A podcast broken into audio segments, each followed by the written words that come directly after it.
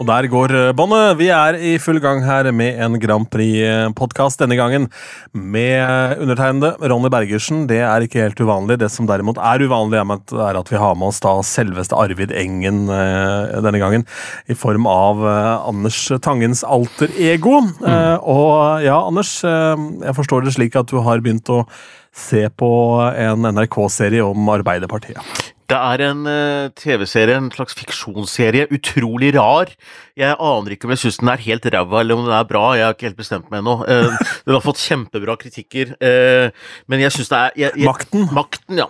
Men jeg syns det er veldig rart at Reiulf Steen og Gro Harlem Brundtland på 70-tallet går rundt foran den splitter nye operaen og Deichmanske bibliotek, og det er sparkesykler i bakgrunnen og alt sånn. Og, men de kommenterer jo det i serien også at hvorfor det er filma liksom i moderne omgivelser og sånt noe, da. Og det, dette skjer da i et intervju med denne her Arvid Engen. Og Arvid Engen, eh, for den som ikke vet det, og det er det sikkert veldig mange som ikke vet, du skal være litt gubbete og litt politisk interessert for å vite det, han var en møbelhandler på Jessheim på 70- og 80-tallet som hadde agentur på Chesterfield-møbler i Norge. Eh, som, som, som Som er sigarrøykernes møbel nummer én? Jeps. Ja. Og han satt der med en sånn eh, kassettspiller og ringte rundt til alle slags sentrale og usentrale partifolk og styrte mer eller mindre Arbeiderpartiet og maktkamper og eh, ble jo avslørt etter hvert, da, i kjempemedieskandaler. Eh, og det er en fantastisk bok som heter Edderkoppen. Han ble jo kalt det, for egentlig så Alt kokte ned til Arvid Eggen. Han ringte Thorvald Stoltenberg, han ringte pappaen til Gro Arne Brundtland og sa at nå må dere prate sammen. Og det, det, det er ikke det som er interessant. Det er, dette er egentlig ikke så interessant, men Eller det er interessant, men det er ikke derfor jeg har kalt meg Arvid Engen. Men det er Trond Espen Seim som spiller Arvid Engen i denne serien. Og legg merke til brillene hans! Det er akkurat de samme brillene jeg sitter her med nå, som er en sånn Tom Ford-modell. Så jeg føler at jeg, jeg, jeg, ligner på karakteren Arvid Engen i serien Makten. Og det er eh, litt sånn blanda fornøyelse, kjenner jeg. Det eneste som hadde vært den store forskjellen, hadde vært dersom du hadde vært eh, La oss si at Arvid Engen hadde vært byttet ut med Anders Tangen. Ja. Så hadde du hatt for mye glede av å finne på noe tull underveis. At det hadde på en måte sklidd ut. Du hadde ikke vært så opptatt av dette med den selve makten, var med det å finne på tullet. Men eh, jeg tror Arvid Engen også fant på mye tull, jeg, hvis jeg skal være helt ærlig. Jeg tror han bare gjorde det bare for moro skyld. Spilte av det båndet for han og han bare for moro skyld. Det er jeg ganske sikker på. Og så har jeg av og til jeg har faktisk av og til følt meg litt som litt sånn Arvid Engen i MGP-miljøet. fordi at det, eh, det, var en periode hvor liksom folk tok Det har avtatt litt fordi at jeg har bremsa litt aktiviteten rundt det, men det var en periode hvor folk sendte meg ja, har du hørt at den skal være med, du må ikke si det til noen. Og det, det, det skjer fortsatt, og det respekterer jeg, for de vil at jeg skal høre låta, og det skjer hele tida fordi man ønsker respons, liksom, og sånn. Men, men, før så var det mye mer av det, og, og, det var litt sånn der Men du må gjerne tipse litt om det, altså, det er greit, det, og og, da, og, da, og, da, blir det som alle andre, da. Hvem, hvem bruker meg nå, og, og alt sånn. Og det er jo bare hyggelig, og det er veldig ufarlig alt sammen, så jeg koser meg veldig jeg med å høre ting jeg får tilsendt. Så det er bare hyggelig å komme med tilbakemelding, men det er eh, litt Arvid Engen-tendenser av og til. Jeg tar selvfølgelig opp alt. Ja, ja, ja, alt er på tape, ja. Det er klart det. Mm. Det opptaket som egentlig går her nå, det går jo 24 timer i døgnet. Så er, jeg går bare inn og plukker ut vi har bare en sånn kjapp greie på telefon, så da finner jeg bare tidspunktet for når vi skal gjøre opptak. Mm. Uh, og så henter jeg bare ut den halvtimen eller de tre kvarterene akkurat der og da, og så blir ja. det podkast. Det er jo egentlig bare Anders' liv, dette i opptak. Det, det, eneste som er litt kjedelig med det, er at datamaskinen til Anders hater akkurat hvordan dette fungerer. ja. Så det må, det må, restartes hele tiden. Ja, jeg aner ikke hva denne Mac-en min holder på med nå, altså, for han vil ikke sende bilde til den skjermen jeg vanligvis bruker, så nå må jeg se inn i den der skjermen på uh, Mac-en. Det er helt svart på hovedskjermen min, og den uh, vil ikke kjøre skjermspill sparer. Det er helt svart bakgrunn nå. Den, den, er, den er, helt gal, uh, Mac-en min. Så vi får, uh, vi får, se. Den er uh, ikke så gammel, men jeg mistenker at han driver med noen oppdateringer i kveld. Han driver og laster ned noe greier i bakgrunnen, tror jeg. Så han holder på med noe. Et, et, eller annet der, ja. ja. Denne Arvid Engen, bare for å avslutte med han, da, er dette en mann Jeg hadde vel hørt historien sånn i periferien, men jeg kjente ikke navnet. Er dette en mann som avgikk med døden for mange mange år siden, eller hvor gammel var han da han holdt på? Nei, han uh, var en godt voksen fyr uh, da han uh, holdt på med dette her, men jeg vet ikke akkurat Jeg kan ikke tenke meg at han lever fortsatt, det ville vært veldig rart. skal vi se Arvid Engen Død 1996, ja, var en norsk møbelhandler. han ble kjent som møbelhandleren fra Jessheim. Engen var født Det er Beyoncé. Ja, ikke sant, er ikke det bra? Engens rolle i Arbeiderpartimaktspillet ble kjent i mediene sommeren 1989. Det var etter en NRK-reportasje om samrøret mellom overvåkningspolitiet og Arbeiderpartiet, og Engens kilde ble offentlig kjent, så han, han drev med, han drev med sikkerhetspoliti også, vet du, og hadde CIA og Nei, det, det, er, ja, nei, det er helt fantastisk. Så folk må jo følge med på det, det er veldig gøy. Folk tror at det er mye rot i Arbeiderpartiet nå, men det har vært verre før. Det er deilig, og godt å vite. Apropos verre før, det har det vel knapt vært uh, uh, på Vestbredden og Gaza. Nå er det altså tusenvis som dør eh, fra uke til uke, men, men nå er det Eurovision, det må vi ha bidrag nå til. Så utvelger Ja. Utvelgelsen i Israel starter altså på tirsdag. Ja, da er de i gang med sin første Da ruller de i gang dette showet, da. A New Star for Eurovision 2024. Eh, hvor de da skal liksom eh, over ganske lang sikt da, finne liksom den artisten som skal representere.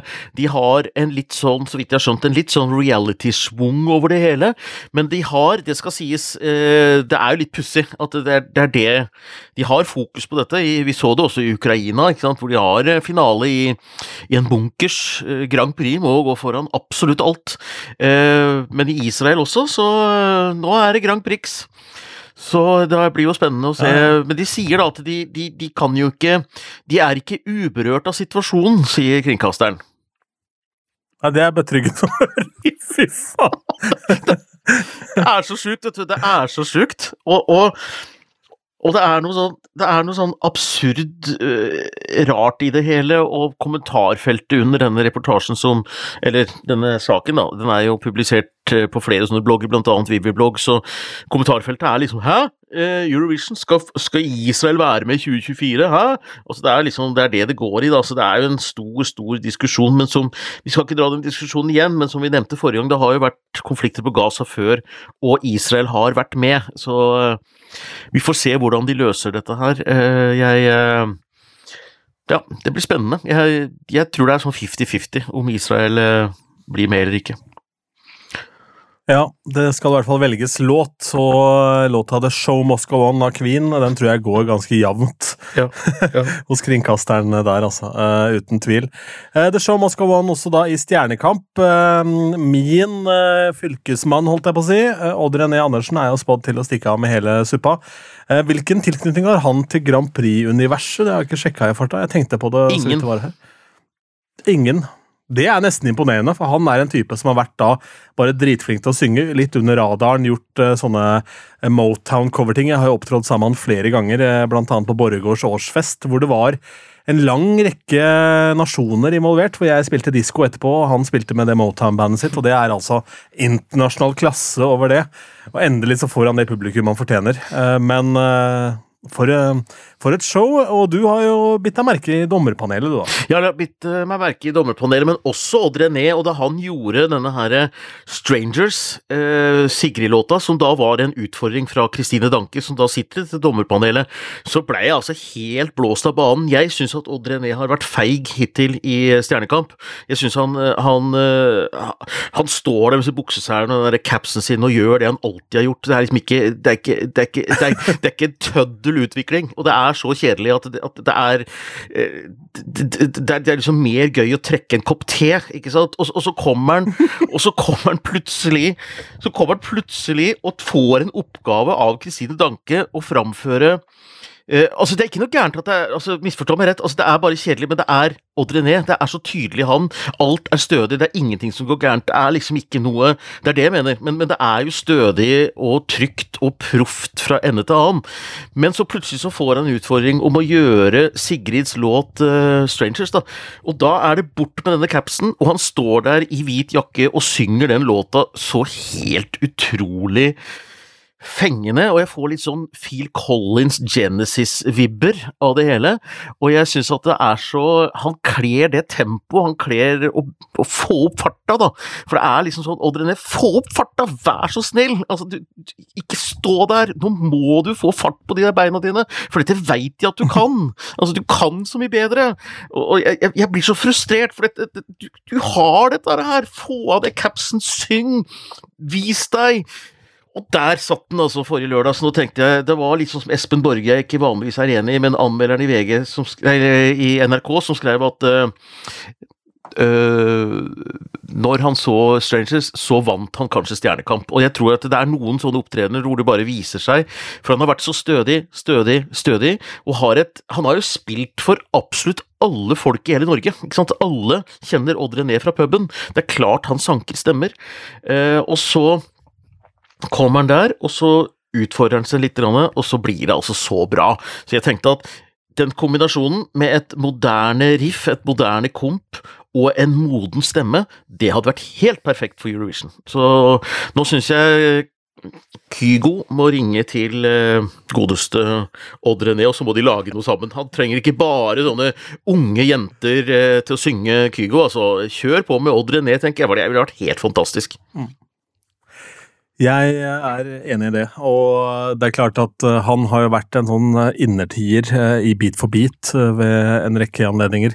Selvfølgelig, for han kommer inn der med den vanvittige stemmeprakten sin, og så har han nok vært veldig komfortabel med å være kongen av Østfold også, som han da har vært, da, og reist rundt på disse forskjellige kulturhusene og hatt sitt vante publikum der, men jeg tror nok da folka rundt han og han selv har tenkt at her får vi en mulighet til å vise oss fram for det norske folk helg etter helg, og at det har vært helt bevisst da, å velge på en måte trygge fire ting bare for å minne verden på at uh, se så god jeg er. Uh, og se så unik jeg er egentlig i norsk uh, sammenheng. og så er det kult ja, med en sånn curveball og Eller hva er, det, hva er det heter på norsk? En curveball? En skruball. Um, og Kristine Danke, som du nevnte her, hun er trukket fram i dine notater som da en ei spennende dame. Ja, jeg, Nei, jeg, jeg... Det er bra. Det er en gammel gubbe som snakker om ung kvinne. Nei, jeg er spennende dame og Kristine Danke! ja, men hvordan skal jeg si dette her, da? Fordi at jeg um jeg, jo, jeg, kjenner jo historikken hennes eh, fra før, men det blir så tydelig fordi hun har fylt denne rollen her med uh, en profesjonalitet og en faglighet som er både underholdende og spennende, da. Mona B. Riise syns jeg gjorde en fabelaktig figur også, men alt har sin tid. Og så kom Kristine Danke inn her, og så tenker jeg Det er fort gjort å glemme hun, hun hun har jo ikke forandra seg noe særlig de siste 20 åra, Kristine Danke. Hun, hun, har liksom alltid sett litt sånn ut. Men hun har altså vært en rapper, hun har gitt ut uh, hiphop-musikk sjøl. Hun har skrevet låter for Grand Prix. Hun stilte opp med en låt i 2011 som het Trenger mer, som Sichel framførte. Den kom riktignok ikke videre fra ah. semifinalen. Ja, du kjenner til den? Eller kjente dere Sichel? Jeg kjenner til Sichel, ja. ja. Hun har vært politisk rådgiver for SV, og var ansvarlig for deres valgkamp i 2005, og har blitt eh, sagt at eh, hun sto eh, delvis for at de rød-grønne vant valget i 2005.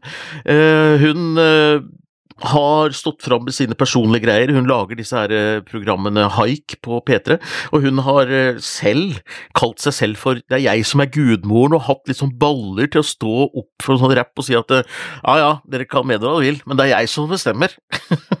Hun hadde en vanvittig makt da, tilbake gjennom dette P3-programmet sitt da radio var toneangivende som ble hot og kult. og og så har hun vel også da ikke Hun har jo en DJ-duo også sammen med manageren til Karpe, Silje Borgan Larsen. Um, som het Ho, altså som i hore. Hotel. Ok! det visste jeg ikke, nei, men ja. det, er bare, det, er bare, å legge alen til hennes vekst. Så jeg uh, Nei, jeg syns det er kult, og jeg syns at uh, det at hun åpenbart er så Stjernekamp-fan, da, syns jeg er gøy, for jeg tror på henne når hun sier at hun de siste ti åra har sittet og lagd spillelister på hvilke låter disse artistene egentlig burde framføre, og nå fikk hun sjansen. ja! det, er, det er en deilig nerdiness. ja, og, men jeg tror hun er nerd, skjønner du. Jeg tror det. Ja, Det er ikke noen tvil om at hun er, og hun er jo aktuell i et annet program om dagen også, for hun er jo med i dette her eh, Jaget-programmet til TV Norge, oh, ja. hvor det, disse etterforskerne jager kjendiser. Um, og det er her hun i tospann med han Petter Katastrofe, og det er så deilig, for hun har sin nevrosisme der, mens han er jo veldig happy-go-lucky. veldig sånn laidback type. ja, det vil jeg tro. Så hvor Hun er bekymra for hvor mye disse etterforskerne som jager altså de politifolka i Gåstein, da, vet og sånn. Så tenker han faen, vi er på Voss, skal vi hoppe i fallskjerm? ja, det er gøy. Nei, jeg følger jo Jeg har fått en slags sånn akutt kjendisallergi, for det er pinadø de samme fjeset absolutt overalt, så jeg, eh, jeg, orker ikke mer av det. Men, men jeg, har, eh, jeg, følger med på Forræder, da. Det ser jeg på, og det syns jeg er gøy. Og der er jo også han Petter Katastrofe, og det er veldig gøy å se han der også. Like kul og rolig, men, men nå, begynner å, nå, begynner han å slite litt, altså. Han syns det begynner å bli vanskelig å følge spillet, og står der med disse jeg vil ikke si tomme blikket, det blir jo helt feil å si, men han har et sånt der åpent blikk som er ganske sånn likt uansett situasjon. Han bare tar det for det det er, liksom. Og det er veldig gøy å følge han, altså. Så... Sånn titten tegn, nesten. Ja, litt sånn. Uansett så har han bare store øyne. Mm. To øyne. Ja, veldig kul. Eh, veldig kul. Jeg har bare to store øyne. Ja. Det har vært kjipt om det var ett sånn Cyclops mm. og så svært sånn glugge midt i trynet. Ja. ja. Uh, utover det, så, så det du egentlig sier her, er at du ønsker deg da en eller annen uh, litt hipp produsent som gjør en Grand Prix-låt med Odd René på vokal. Ja, det syns jeg hadde vært veldig tøft, og jeg har i mange år egentlig skrevet at jeg tror noe av det som hadde vært en sånn nøkkel til suksess i Eurovision, det er altså hvis du kombinerer en godt voksen, moden stemme skal ikke være for gammel, da, men altså sånn du, du favner litt breiere. Det er liksom noe med at da, da, treffer du på en måte veldig bredt, men du kombinerer det med en, uh, en beat og en rytme og en type melodiføring som er gjenkjennelig for det som er i lydbildet i dag, da. Ikke sant? Og litt sånn som du så på Rein Alexander, da han var med i eh, MGP, så fikk du noe av det samme. Hvor du får denne dype stemma, hans modenhet, men du får en sånn veldig tøff EDM. Uh, som, mm. som, er kul. Da er du kul i to ender. Du har den kulnessen som du har med erfaring, og så får du en uh, troverdig upbeat som er produsert ut fra nåtida i bånn. Det tror jeg hadde vært utrolig kult. Ja. Det du egentlig etterlyser, er jo da låta 'Wake Me Up' med Avicii og Allo Black, hvor han har han som sang 'I Need a Dollar', ja. altså rett og slett som gjør vokalen med en sånn ordentlig soul uh, ja. og sjel. Også litt, litt, det samme som de var inne på med denne Byron Williams-fyren. Uh, ja. Eh, som de prøvde seg på, men der ble vel da så Det falt vel Det var Joust det som hadde med han, vel.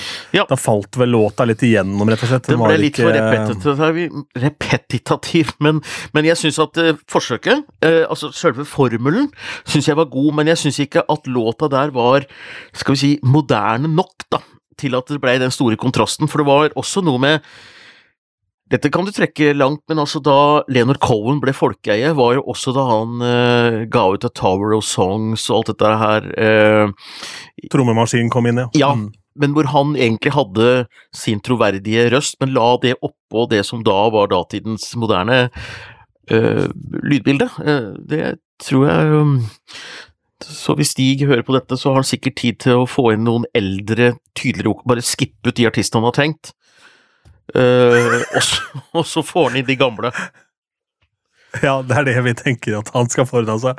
Nei, vet du hva, Stig har jo da også noe å prate om til neste år, tenker jeg. så kanskje se på det. Men nå må vi jo se hva han drar opp av hatten, og først og fremst da. Vi får jo håpe at det kanskje er hakket hvassere enn det Malta dro opp av hatten i første semi.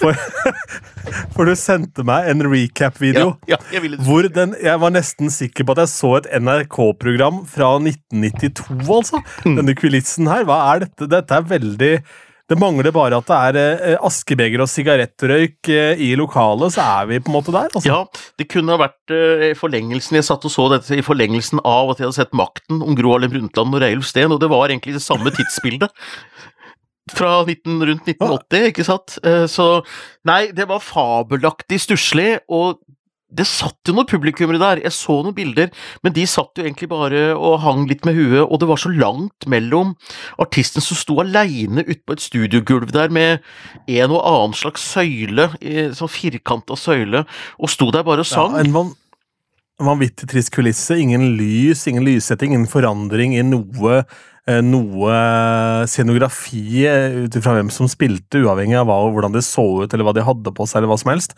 eller hva de sang for noe. og eh, publikum satt jo tilnærmet i Chesterfield. ja, ja. Her skal vi sitte og kose oss. Og det gjorde de jo. Men nei, det, det, er så rart, og, jeg syns at Jeg har en god venn som bor på Malta. Jeg lurer på kanskje vi skal invitere Hans Ivar Hansen til oss i podkasten til å komme og snakke litt om dette her, fordi han bor på Malta og er en YouTube-vlogger om Eurovision-ting med et maltesisk blikk. Ah. Så jeg syns at vi må høre litt hva, hva, hva skjer? Fordi Malta er jo det landet hvor det er i hvert fall ett av dem, som har størst interesse for å se dette her. Det er altså en enorm seer... Eh, altså seeroppslutning rundt alt som har med Eurovision å gjøre, så, men dette var jo bare første delfinale. Det er mulig at de kjører på med veldig enkle delfinaler, for så å ha en sånn større finale. Og vi har ikke fått resultatet heller fra første semi, for de skal Altså, det skal presenteres senere uh, fra hver enkelt semi. Jeg har ikke helt fulgt med på hvordan det skal gjøres, men uh, vi får altså ikke resultatet engang. Så det er jo utrolig lite dynamikk og, skal vi si momentum da, i en sånn eh, delfinale. Det er på en måte så statisk at det er fascinerende. Det, ja, det må jo bare ta hatten, egentlig, og uh, la seg imponere av det, da. Uh, når du nevnte navnet på han kameraten din der, fra Malta, uh, så For han het hva, sa du? Hans Ivar Ja, Hans Ivar Hansi kaller han seg da. Skal vi se, Han heter Eurozone ja. på YouTube. Mm.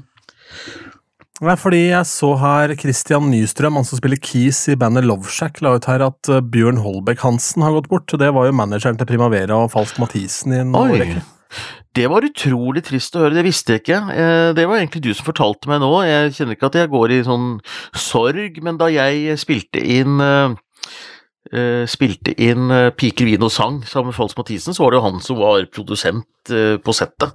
Så han var, mm. han, var, verdens luneste. Og la oss snakke litt da om Bjørn Holbæk Hansen, fordi det er Han var tidlig ute med drittsekkmodellen for artister i Norge. Altså Raider? Raider, ja. Uh, og han var opptatt av at artisten skulle være omgitt av en slags viss magi. Det skulle være sånn at når artisten kom, så skulle folk stå litt uh, og være litt halvredde. Du har jo møtt uh, flere artister, og du har sikkert kanskje kjent litt på det, at de, de, de utstråler et eller annet litt sånn halvskummelt, og det kan være et poeng, fordi får, det gir deg en slags maktposisjon, gir deg en slags Og det var han veldig opptatt av. og Folk var litt redd Bjørn Holbæk Hansen. Øh, fred over hans minne, men det går en historie om Primavera da de reiste rundt. Øh, eller var det med Jahn Teigen? Spiller ingen rolle. Øh, jeg tror det var med Primavera, for han hadde ikke så mye med Jahn Teigen å gjøre som Teigen. Det var liksom Primavera. Og så var det det at de, de, la jo inn ting i raideren bare for at du skulle være der. Altså Det var ikke noe poeng, det var ikke viktig for noen, egentlig. Men det skulle være paprika på rundstykkene med ost som Jahn Teigen skulle spise. Det skulle det være paprika på. Ikke på de andres, men det skulle være paprika på Jahn Teigens rundstykker. Og det Jahn Teigen gjorde hver gang han kom til dette stedet, var at noe av det første han gjorde før han kom inn i garderoben, var jo å gå inn der og plukke ut paprikaen, sånn at det ikke var paprika på rundstykkene. For da visste Teigen at da kom eh, Bjørn Holbæk Hansen til å fyre seg opp så veldig. Det, det var noe av det morsomste han gjorde. At han tok bort de tinga som arrangøren hadde ordna. Fordi da visste han at, at Bjørn Holbæk satte i et helvete. Og, og, og, og, det var veldig morsomt å høre Teigen eh, parodiere Bjørn Holbæk, for han var jo fra Bergen, tror jeg, i hvert fall vestlandsdialekt. at eh, hvor er artistens paprika? Han fløy rundt og ropte 'Hvor er artistens paprika?' Så, men han er en sånn fyr som det, Altså, dette er bare én av Han går det hundrevis av historier om, og en utrolig dyktig manager som greide å skape oppmerksomhet i sin tid, eh, ikke sant, og, og, var veldig moderne da, i måten å skape oppmerksomhet på gjennom pressekonferanser, måten de var organisert på, og eh, skaffe seg overskrifter da, hele veien, ikke sant, med kongehuset og uh, rettssaker og ja. Det, er, det, var mye Bjørn Holbæks uh, verk sammen med Kim Bård Hansen eller Herodes Falsk, da. Absolutt. Som uh, er jo et oppkom av det aller meste, egentlig. ja. uh, han er jo en selvskreven gjest i den poden her også på et tidspunkt. Jeg skal se når Han er aktuell med et eller annet nå om dagen. Skal ta og sende han en mail og høre om han har lyst til å ta en prat. Det er, det. Um, den, mitra den mitraljøsa, den går, for å si det mildt. når han kan Eh, dele litt av eh, bakhistorien om eh, sin Grand Prix-fortid også, tenker jeg det kan være fascinerende. Men nei, rest in peace, da denne tydeligvis veldig unorske Jeg husker jo en del av disse historiene fra biografien til nettopp Herodes. Denne veldig unorske typen av Bjørn Holbæk Hansen ble jo en godt voksen mann. Han runda vel da så Når var det, da? Altså, det var et skal vi se. Jeg husker ikke. Uh, jeg har vel uh, Skal vi se Gratulerer. 70 år. Uh, det ble lagt ut i 2019, ja. ja. At Bjørn Holbæk Hansen fylte 70, da la Herodes ut det. så ja, han ble jo da Ble jo da 74, da. Ja, Ikke så gammelt. 75 eventuelt. Ikke så gammelt. Mick Jagger er seks år eldre. Nei. ja, ja, Men det er også en toppidrettsutøver, uh, må vi jo ja, legge til. Ja, det er det. Uh, er ikke noe tvil om det. Apropos uh, gamle folk med god kondis. I går så gjorde jeg en spillejobb hvor jeg spilte da tre-fire timer utelukkende musikk, mer eller mindre. Jeg tror det var seks låter som var nyere enn 1990. Ellers var det primært 50- og 60-talls swinglåter. og det kosta rundt ute på det dansegulvet hele jævla kvelden, for dette her var da altså eh, årsfesten for Romerike Runners Team, eller Runners Club. Ja. Som er da rett og slett eh, løpegruppe. Eh, så de hadde jo vært og løpt helmaraton i Dredsen, en hel haug av de bare noen uker før. Oi, såpass! så, og det var ingen av de som var under 50, de aller fleste godt over 60, noen over 70 også, men de hadde voldsom kondis, den gjengen her. Ja, det vil jeg tro. De løp de bare rundt ut på dansegulvet, eller hoppa de og dansa litt, eller? Nei, de dansa swing, da. Det var jo det de primært holdt på med. da. Um, og hun ene hun hadde en sånn uh, vanvittig greie hvor hun slang av seg da skoene. Uh, da hun skulle ut og svinge seg, og det skjedde jo da fra tid til annen, så de smalt jo veggen både her og der, så jeg måtte nesten søke dekning. Ja. Med flere anledninger. Men det er, jeg gjør én, to, kanskje tre sånne jobber i året, og det Eh, er for det første for å bevise at jeg kan, og for det andre å holde det opplegget der varmt, og for det tredje fordi det er så jævlig deilig å bare spille noe helt annet.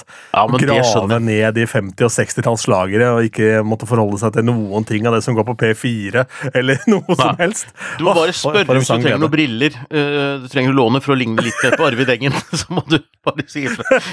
Eller så jeg, jeg, jeg, jeg begynner å få fart på den pyroen min. Nå begynner jeg å kunne den pyroen.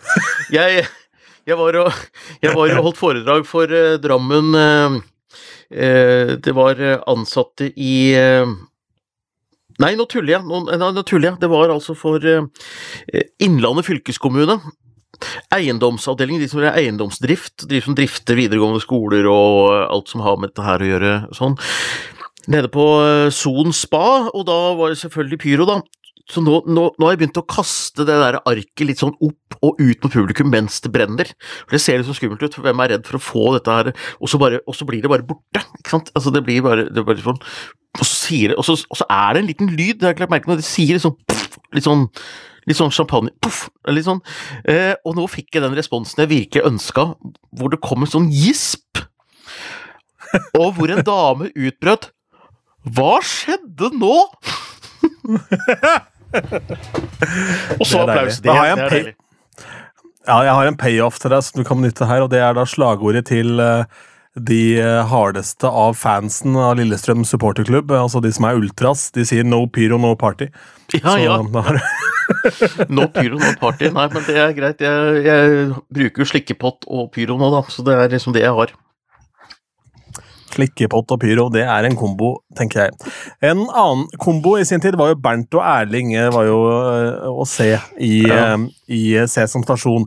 De er aktuelle i mitt minne nå fordi eh, Niklas Baarli og hans ektemann Benjamin de gikk utkledd som Bernt og Erling på et halloweenfest her oh, ja. nylig. Jeg skjønner at det er en link til Bernt også i ditt tilfelle. Det er en fantasifigur. Ja, veldig. Jeg visste ikke om denne Bernt og Egil, men det må jeg jo sjekke ut. Var det Bernt og Egil? Var det? Bernt og Erling. Bernt og? Erling, ja. Nei, Bernt og Erling. Jeg må jo sjekke Nei, jeg gjør ikke det. Jeg, det, må jeg, det må jeg jo virkelig sjekke ut. Nei, vi eh, Jeg har jo hatt samme samboer nå i eh, 17 år, eh, så det begynner jo å røyne på Nei, det gjør ikke det, men det, det, det, Du hørte det først her. Ja.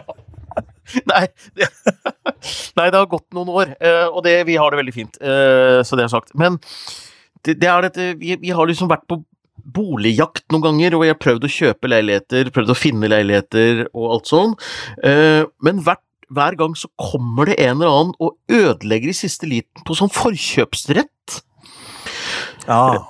i Obos, og det går på ansiennitet. Jeg har 23 års ansiennitet, så jeg, jeg, jeg stiller ganske sterkt i den køa, men det kommer alltid en jævel som har sånn ansiennitet fra 1923, liksom. Det er sånn derre er Helt så, så psyko-ansiennitet. Så vi fant en leilighet jeg hadde lyst på på Oppsal i Oslo. Vi har funnet ut at jeg hadde lyst til å bosette Det ble ikke Lillestrøm, vi har lyst til å bosette i Østensjø bydel. Det er liksom det er der, det er der vi leiter. Og vi vant budrunden, og, og vi måtte betale mye mer enn det leilighet var verdt. Og det er ingen leilighet som går over prisantydning for tiden, for boligmarkedet er dårlig. Bortsett fra der vi er med. Så vi pressa prisen opp, pressa, pressa, pressa. Og vi var fornøyd. Ja, ja, men det, det er greit. Det var den leiligheta vi skulle ha.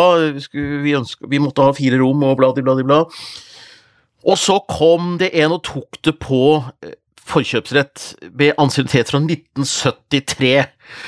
Og han har ødelagt for oss før, så vi har laget et bilde av hvem dette er, og det er så mentalt sunt å lage et bilde av hvem det er. Vi aner jo ikke navnet, for det er jo ikke offentlig, det. Men uh, vi kaller han for Bernt. Og Jeg tror kanskje han heter Arvid Engen. Nei, nei, han heter Bernt, og han kjører sånn scooter. Og han og, og Med sånn derre sånn, sånn, sånn, sånn, sånn plasthjelm sånn, sånn foran, hvis du skjønner. Og han kjører, Ja. han kjører sakte. Han kjører sakte rundt, og han veit akkurat hvilke leiligheter vi skal ha, og så, har han arva masse penger, så han går bare rundt og bare kjøper det vi er ute etter. Og nå, eh, nå tenkte jeg, nå har han fått leilighet, han med ansiennitet fra 1973, så er han ferdig. Nå har vi funnet en ny leilighet, men tror du ikke det er en jævel som har altså ansiennitet fra 1963 nå? Det er en ny Bernt! Men hva skal Altså, det er, kan ha gått i arv, dette, da? Ja, jeg altså, tror det. Det er det jeg tror. Ja, ja, fordi det kan, kan ikke være sånn at gamlinger har behov for så mange rom og sånn, eh, tenker jeg. Så det må, må være noe arv her involvert. Men han scooterfyren der, han eh, LeBernt, da, altså, han har jeg møtt også Ja, i London. ok, i Eh, London, For, eh, ja, for jeg var eh, eh, og så en konsert ute på O2 Arena. Ja. Det var det hun, det, vel. Eh, Og da bodde vi også i området rundt O2, eh, for å da spare litt penger og ikke rote for mye inn i gryta der. Lurt. Og da var det da mellom da hotellet og arenaen, så var det, og ved arenaen så lå også T-banen osv., så, videre, så var det en sånn jeg vet ikke hva jeg skal kalle det, nabolagspub, som var litt sånn hyggelig, lov litt for seg sjøl utpå en slette der. Og der ble vi da sittende og ta en utepils og slappe av. Da kom det en fyr på scooter som da sjekka opp ståa på parkeringsplassen der. Og og så litt på bilene og tok noen bilder og sånn Ja, er eh, utafor der. Ja. Og han hadde også en scooter med lignende hjelm og et sånt derre uh, sånn uh, dekke han la over fanget da han satte seg på den scooteren. Åpenbart ikke en parkeringsvakt av noe slag, bare en sånn oppsynsmann Ja, der. ja. Så sa jeg til Pål, så sa jeg, hva tror du han tenker nå hvis jeg går og begynner å ta bilder av hans scooter som sto parkert der? Eh, Hva tror du skjer her da? Men det jeg merket jeg på min bestevenn Pål at det var han lite interessert i å finne ut av. Så, for jeg hadde så lyst til å gå bort og så, og så vet, stikke en liten nøkkel inn og sjekke mønsterdybden på dekkene og litt sånn forskjellig på hans, Litt sånn hans scooter Ja, der. ja, ja, ta en sånn sånn type EU-kontroll på scooteren hans, ja. Det tror jeg hadde vært eh, Ja, ja, ja. Ja, nei, Bernt fortjener det. Eh, Han Bernt fortjener alle EU-kontroller og alle parkeringsvakter på nakken han kan få, han altså. Så det er bare, bare Møter du en Bernt, så sjekk mønsterdybden. Det er min oppfordring, i hvert fall. For Bernt er utrolig irriterende. Bernts mønsterdybde må sjekkes. Ja, det kan høres ut som det er noe irriterende å kjøre buss i Østfold også, eller hva mener du? Ja, ja, ja. Det, eh, det var der, ja, det var da jeg skulle gjøre denne pyrogreia. Eh, Så jeg, eh, jeg, prøver å reise kollektivt når jeg kan, for jeg syns at det er eh, Da får jeg brukt tida til å forberede meg og sånn. Så jeg eh, gikk inn på én tur. Hvis du ikke bruker den appen, så anbefales jo det veldig, fordi den gir det, det er stort sett mulig å reise kollektivt hvor som helst, og da kan du sitte med Mac i fanget og jobbe. Det har tatt det norske samfunnet så jævlig mange år å lage den appen. Den ja. kommer bare for noen få år siden. Altså, det, det, er, det, handler rett og slett om at, eh, at eh, buss, Norges buss skal snakke med den buss, eh, og at du da skal få vite hvordan, hvor du må bytte fra det ene til det andre. Ja. For Vanligvis har du måttet forholde deg til Ruters opplegg eller Vy eller NSBs opplegg. eller noe sånt. Ja. Mens nå så er det rett og slett den appen én tur. Jeg er helt enig. Få det på.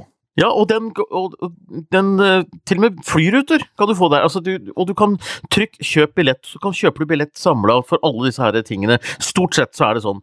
Og så kom jeg til Østfold, øh, og det var ikke noe problem å kjøpe billett. Det gikk helt fint. Jeg, tok altså buss, eller tog, da, ned til Råde stasjon.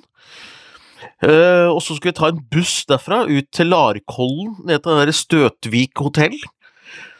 Og det var buss 200. R200 het den uh, ruta, uh, som jeg fant på én tur.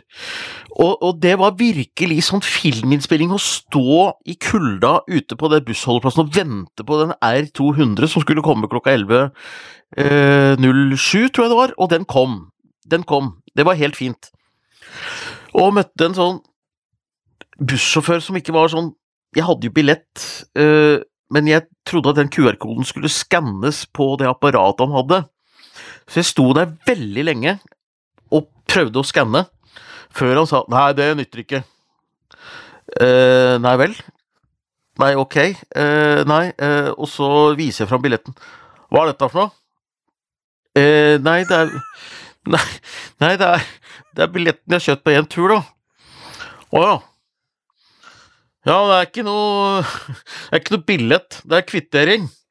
Ja, ja det, Jo, men det er den jeg har fått Så viser det at den billetten var ikke aktiv fordi bussen var to minutter for tidlig ute.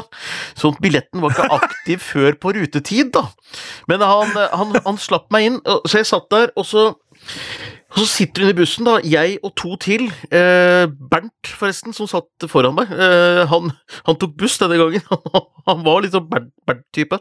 Eh, hadde, hadde, på hjelm nå? Ja, ja, ja. Hadde noe hjelmlignende. Eh, inn i Østfold der. Og så Og det var åtte stopp, tror jeg det var. Eh, og ingen ingen opplysninger om hvilke stopp du kommer til. Og jeg hadde jo aldri reist den ruta før, så jeg ante ingenting. Eh, så jeg trykka stopp for sikkerhets skyld, kanskje litt mange ganger. Hvor det egentlig ikke var noen som skulle verken av eller på, sånn at bussen stoppa da, fordi Hallo?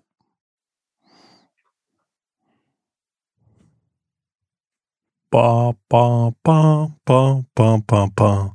Ba, ba, ba, ba, ba, ba. Hallo, ja. ja, hei. ja. Uh...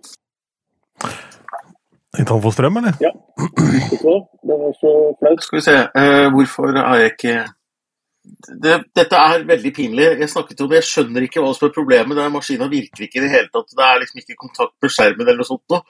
Men jeg har en sånn derre sånn um, Sånn skal vi se, to, tre, seks, åtte kontakters greie på gulvet her. Ja. Og på den, ja. på den er det en liten av- og påbryter. ja. Sånn. det, det, har ikke vært strøm på noen av tingene mine her. Men der, der, slo jeg deg faktisk, Tangen, fordi jeg var eh, logget inn midt på svarte natta på et sånt der, eh, seminar eh, på YouTube via Teams, eh, og da klarte jeg da å ved hjelp av tåa mi eh, trykke på og skru av altså min min uh, stasjonære maskin, slik at jeg ble kicka ut av det seminaret. Dette hadde jeg betalt penger for å være med på. Så da blei jeg han fyren som da kom tilbake igjen, og som da måtte slippes inn i det møtet av han som holdt foredraget. Noe han spesifikt hadde gitt beskjed om at det ønsket han gjerne skulle unngå, slik at han ville at folk skulle møte opp da fem minutter i forveien, noe jeg hadde gjort, for å så klare å logge meg sjøl ut. Men ja, få resten av din historie da om din jordomseiling med buss i Østfold. ja, nei, nei Nei, altså det var ikke sånn kjempemorsomt sluttpoeng der, men, men det var at jeg satt nå der, da. Og så når jeg da skulle ned til Støtvik hotell, så skulle jeg gå av på en stasjon, eller på en bussholdeplass. Hvor uh, det sto på en tur at eh, det var der jeg skulle gå av, og det gjorde jeg. Og så spør jeg ja, Støtvik hotell, ja, ja, ja, du, ja, da kan du gå av her, sa han. Ikke sant? Og det gjorde jeg. Men det var jo to holdeplasser til, og så var det en holdeplass som het Støtvik hotell. Ja. Og da har jeg gått en kilometer og båret ting i litt sånn halvstusslig vær. Han kunne jo sagt, når jeg, når jeg visste at jeg skulle til Støtvik hotell, at da kan du sitte på to holdeplasser til. Så det var, liksom, det, det var null service og ingen informasjon om hvor jeg var. Så jeg følte at det, nå er jeg i den derre jaget eller sånn derre Det var et program for noen år siden som het Amazing Grace, hvor det ble sluppet ja, ned. Ja.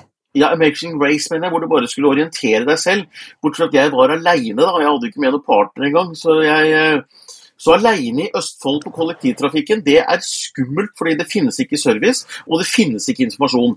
Så, så ta med kart og kompass hvis du skal reise kollektivt i Østfold. Det er to ting jeg får ut av dette. Det ene er at bussjåføren var jævlig lei av deg. Han fyren der var mye.